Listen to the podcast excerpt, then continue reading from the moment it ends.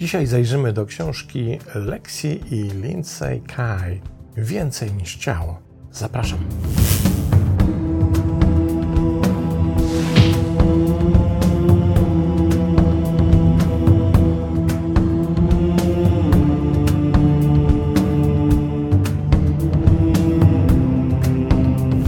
Na początek przyjrzyjmy się, kim są autorki książki.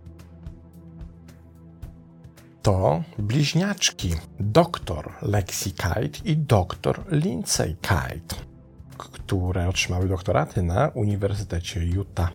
Są założycielkami organizacji non-profit pod nazwą Zredefiniowane Piękno, która pomaga kobietom rozpoznawać i odrzucać szkodliwe przekonania o ich ciele, wartości i potencjale oraz na nowo definiować znaczenie i wartość piękna w ich życiu.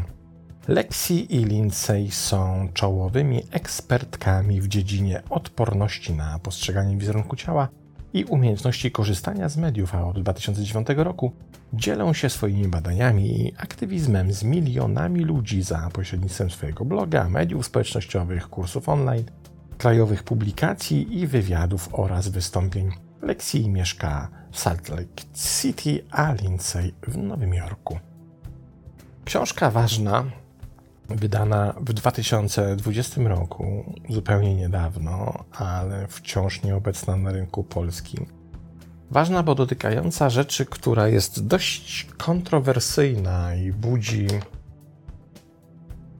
budzi pewien rodzaj oporu, dlatego że próbuje naruszyć pewną skałę, do której jesteśmy już tak przywykli, tak przyzwyczajeni, że zdajemy się nie zauważać, jak ten fundament, ta potężna skała obrosła przez wieki i zakorzeniła się w naszym postrzeganiu rzeczywistości, w naszej mentalności. A jednocześnie ta skała krzywdzi ludzi. W tym wypadku w przeważającej większości dotyczy to kobiet. To głównie problem, z którym borykają się współczesne kobiety. Mężczyzn również, ale w dużo mniejszym stopniu. Natomiast my wszyscy uczestniczymy trochę w powstawaniu tego problemu, czy też jego konstytuowaniu, w tym, że wciąż jest potężnie działający na nas.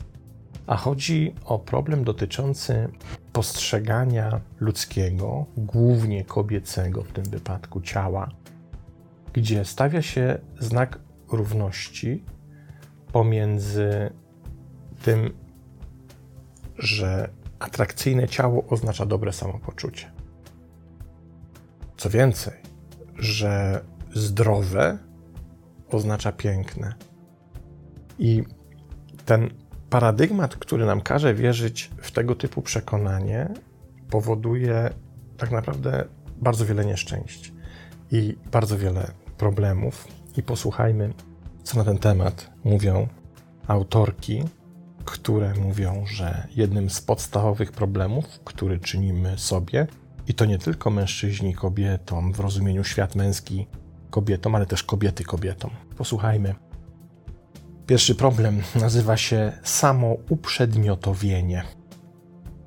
To samo uprzedmiotowienie oznacza proces przedstawiania siebie jako obiektu do oglądania, na przykład poprzez robienie sobie selfie udostępniane innym online, który to proces przejawia się w trzech krokach: robienie sobie zdjęć w celu podziwiania i analizowania ranking i edycja tych zdjęć w celu wygenerowania akceptowalnego obrazu końcowego i udostępnianie tych zdjęć w internecie, aby inni mogli je podziwiać i potwierdzać.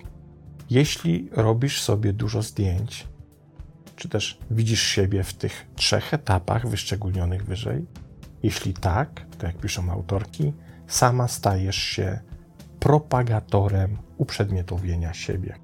O jaki rodzaj zdjęć i ekspozycji swojego wizerunku sieciowego chodzi? Zwróćmy uwagę, że kiedy się przyjrzymy mediom społecznościowym i profilom różnych osób, które zamieszczają w tych mediach zdjęcia, to zdjęcia osób w tych profilach społecznościowych można by w takim dość oczywiście uproszczonym wzorcu sklasyfikować na dwa sposoby. To są zdjęcia osób których podłożem, jakby główną ideą jest jakaś czynność, którą ta osoba na zdjęciu wykonuje, i moglibyśmy powiedzieć, że ta czynność wykonywana na zdjęciu jest bohaterem tego zdjęcia. Oto ktoś robi grilla, ktoś jeździ na rowerze, ktoś wyprowadza psa, ktoś jedzie motorówką, cokolwiek. Ale czynność jest podstawowa, najważniejsza. Druga klasyfikacja zdjęć to są zdjęcia osób, w których przedmiotem jest osoba, a nie czynność.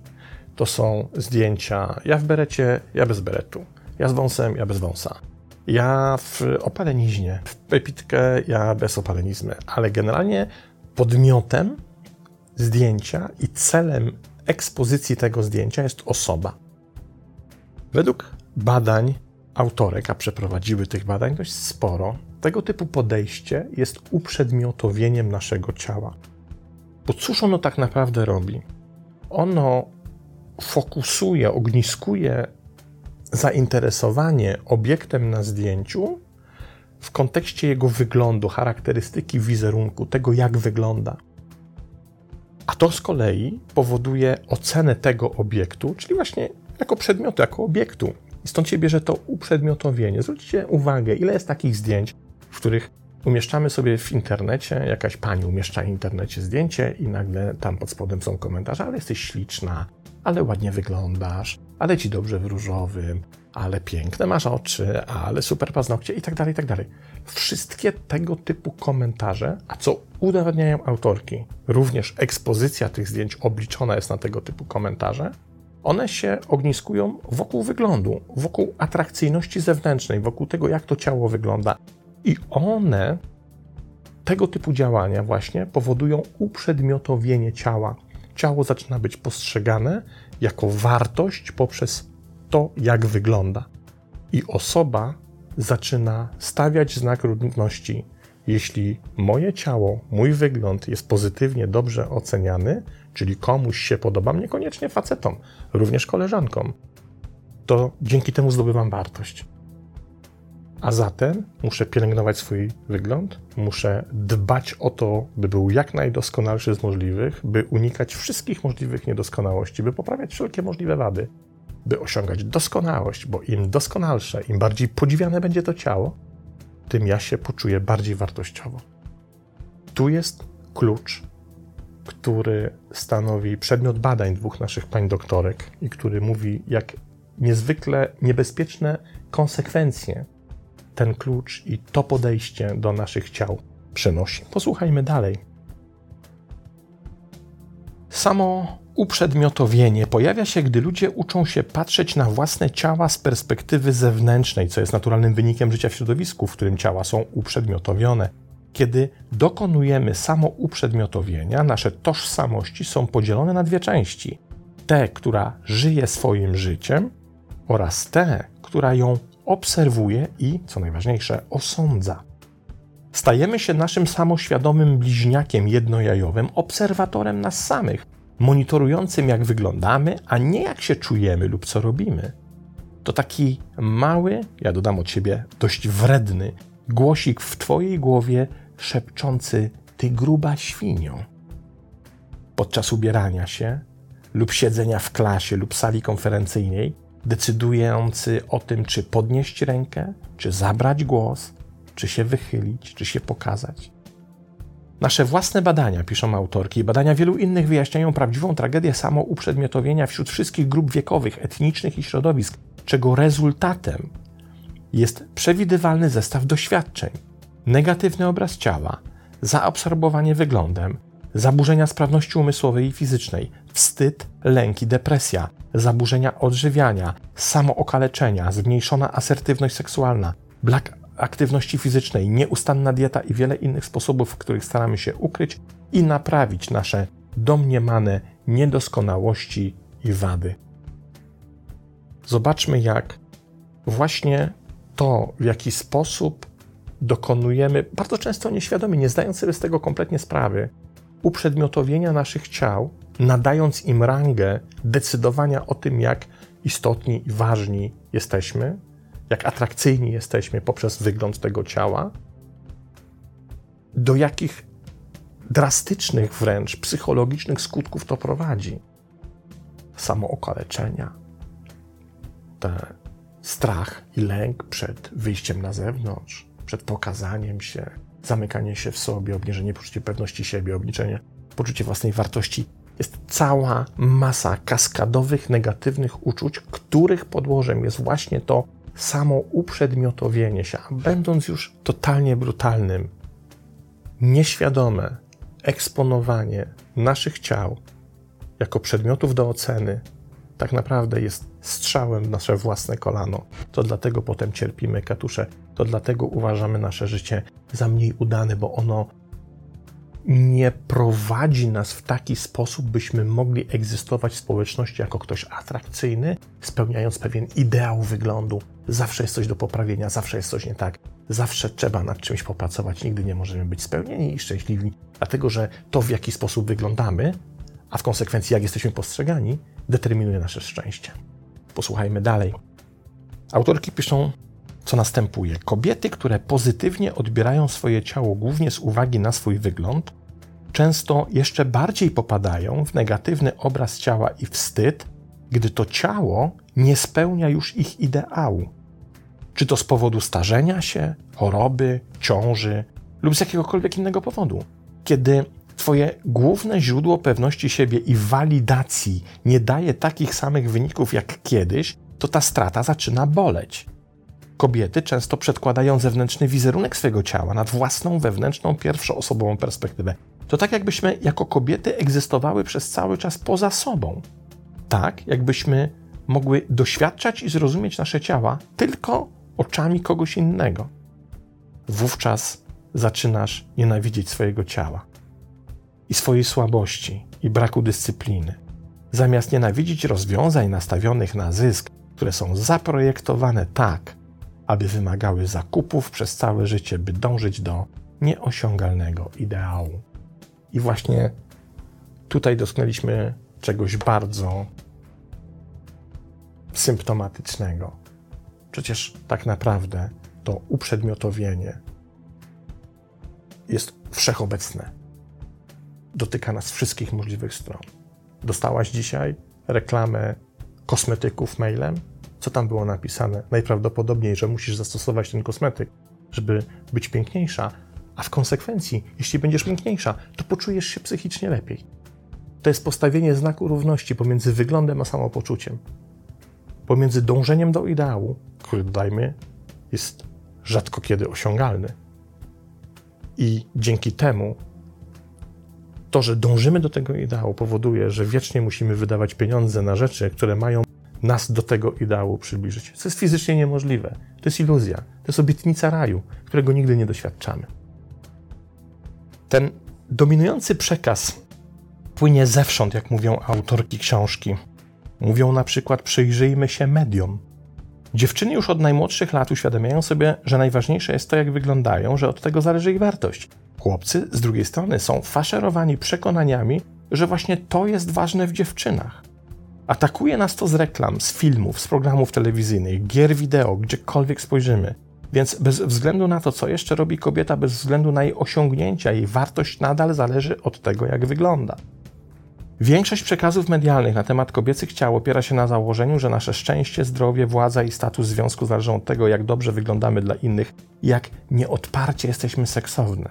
Reklama skierowana do dziewcząt i kobiet w dużej mierze polega na tym, byśmy uwierzyły w dwie rzeczy. Pierwsze, że nasze szczęście, zdrowie i zdolność bycia kochaną zależą od naszego wyglądu, oraz drugie, że możliwe jest osiągnięcie ideałów fizycznych, a tym samym stanie się godnym szczęścia, zdrowia i miłości za pomocą odpowiednich produktów lub usług. Bo od stóp do głów zostałyśmy przeszkolone, aby postrzegać każdą część naszego ciała jako potencjalny problem do rozwiązania. Niezależnie od tego, jak powszechny, naturalny i bezproblemowy jest każdy obszar problemowy, żadna z tych rzekomych wad nie byłaby niepokojąca, gdybyśmy cenili te części ciała za funkcję, której służą i za to, w jaki sposób doświadczamy ich od wewnątrz. Wszystkie te rzekome wady i presja, jaką odczuwamy, aby je naprawić, są wyłącznie wynikiem oceny naszych ciał, i bycia ocenianymi w oparciu o to, jak wyglądamy. W tym środowisku znormalizowanego uprzedmiotowienia, które skolonizowało każdy centymetr naszego ciała, musimy przenieść naszą uwagę z bycia pasywnymi obiektami na aktywne podmioty. Od kwestionowania tego, jak wyglądamy, do kwestionowania tego, jak nauczono nas widzieć siebie. Jakie jest zatem rozwiązanie tego problemu i co proponują nam autorki tej książki? Mówią, że pozytywny wizerunek ciała to nie przekonanie, że Twoje ciało wygląda dobrze, to świadomość, że Twoje ciało jest dobre, niezależnie od tego, jak wygląda. Doświadczanie i docenianie siebie jako całości ucieleśnionego człowieka oznacza upewnienie się, że nie stawiasz walidacji innych nad swoim własnym dobrostanem, zdrowiem i szczęściem i nie stawiasz na pierwszym miejscu zewnętrznej perspektywy tego, kim jesteś. Twoje ciało nigdy nie było problemem, Twoje postrzeganie Twojego ciała było problemem. Twoja nowa droga wymaga od Ciebie odcięcia źródeł, które Cię wprowadzają w błąd, a następnie wybrania nowych sposobów aktywnego angażowania się, poszukiwania, tworzenia, wprowadzania innowacji, wzmacniania i wnoszenia wkładów w świat wiadomości, które wspólnie odzwierciedlają i wzmacniają Twoją silniejszą perspektywę na Twoje ciało i Twoje wartości. Możemy się zmieniać, rozwijać i reagować inaczej, ponieważ szanujemy siebie i troszczymy się o siebie, a nie dlatego, że nienawidzimy tego, kim jesteśmy i próbujemy siebie ukarać. Tak jak musimy przedefiniować piękno w sposób, który jest lepszy dla naszego zdrowia, tak samo musimy przedefiniować zdrowie w sposób, który nie ma nic wspólnego z pięknem. Nasze ciała są narzędziami dla naszego osobistego użytku, doświadczeń i korzyści, a nie ozdobami, które można podziwiać. Jesteśmy czymś więcej niż tylko ciałem, a nasze życie nie musi oczekiwać, aż nasze ciała dogonią wypaczone i serwowane nam ideały, zanim możemy stać się tym, kim zawsze chcieliśmy być. Cóż to oznacza?